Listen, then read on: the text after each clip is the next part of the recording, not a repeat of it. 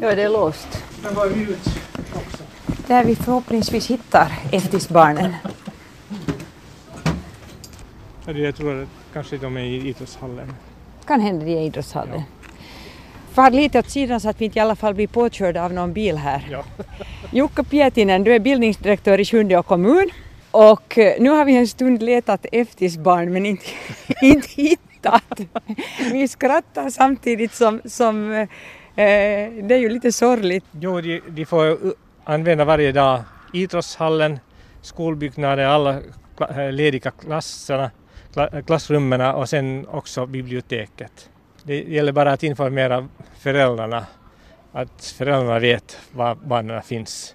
No, det har ju varit lite brister i det. Eh, Föräldrar har skrivit att eh, de inte alltid har vetat var de ska komma efter sina barn. FTIS-ledarna borde informera föräldrarna varje dag var de finns. Om det, de har gjort, gjort ett plan för va- varje vecka och där står det var, var de är och- när. Föräldrarna borde se det via Vilma varje dag. Så det borde vara ju enkelt. Är du medveten om att det är brister här då? No, det har jag hört om och läst alla, all det information som jag fått från föräldrarna. Som är både besvikna och ledsna och bekymrade. Det är förståeligt. Och Det har vi ju diskuterat med FTIS-ledarna att, att det är någonting som man måste iaktta sig. Det har också varit mycket prat om leksaker till exempel och brist på pyssel och, och meningsfull sysselsättning under de här timmarna efter skolan innan föräldrarna kommer efter sina barn. Att, att barnen har ganska lite att göra. Det är ju tråkigt att höra därför att det finns, vi har ju en massa leksaker, vi har ju allt annat, allt material som finns i skolan FTIS-verksamheten får använda.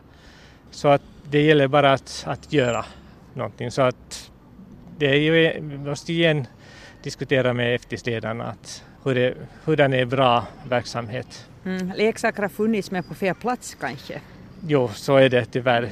Ja, FTIS-ledarna visste det, att, att var de finns. Men nu har det varit ganska mycket telefontid. Barnen har fått eh, leka ganska mycket på egen hand med sina egna telefoner och, och det har föräldrarna inte riktigt heller tyckt om. Mm. det är ju en svår fråga, det är ju fråga om barnens fritid. Så det är inte skoltid, det är inte, det är inte fråga om undervisning. På undervisningen det, det är läraren som, som får besluta, använder man telefonerna eller, eller inte. Men på efterverksamheten det är det lite svårare att säga till barnet nej, du får inte göra det. Fullständigt eh, förbjud kan vi inte göra.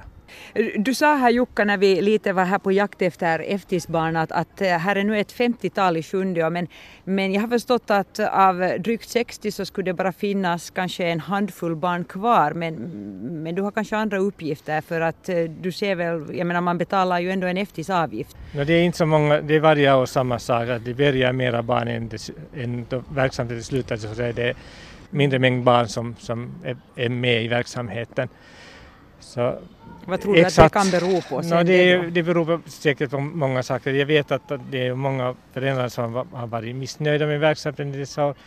Men också det att, att barn vill inte vara med, alltså de, vuxna, börjar känna sig det är så, så stora att de, det kan ju vara, De hellre går hem. ja, de går hellre hem eller något, någon annanstans. Att, Mm. På tal om att gå och promenera så efter skolan, jag menar nu samlas ju barnen här i, i ska vi säga den här modulskolan, eh, Alexis Kivenkoulun ja. eh, skola.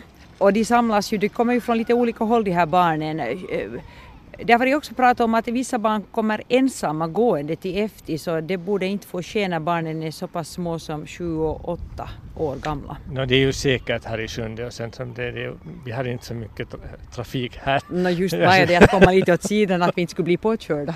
Det är ju det är tryggt här men, men efterverksamhetsledarna de går till, exempel till, till Svenska skolan och, och, eh, och hämtar barnen därifrån till AKK varje dag. Så det gör Så de. ja, de gör det, det har jag själv konstaterat och sett flera gånger.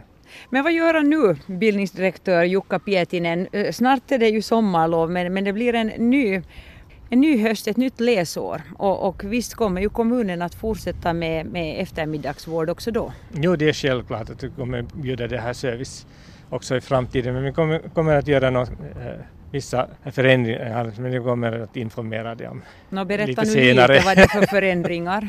No, vi hoppas att, att, att kvaliteten blir så, så pass bra att, att föräldrarna är, är nöjda med det. Men, men du är medveten om att kvaliteten kanske inte är just nu så bra? No, det är, det är ja, det, som jag sagt, det är beklagligt. Ja.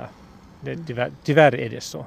Men du har inte kunnat göra någonting, påverka det under det här no, det läsåret eftersom det har pågått gjort, så länge? Ja, no, det har vi gjort. Vi har gjort olika planer, vi har gjort, eh, gått igenom dem med, med FTIS-ledarna. De vet vad de borde göra och hur ska man göra sitt arbete. Men vi kommer att göra det återigen Mera piska än morot till hösten hör jag. Nej, inte piska. Men förändringar. Ja. Piska här inte till bra ledarskap.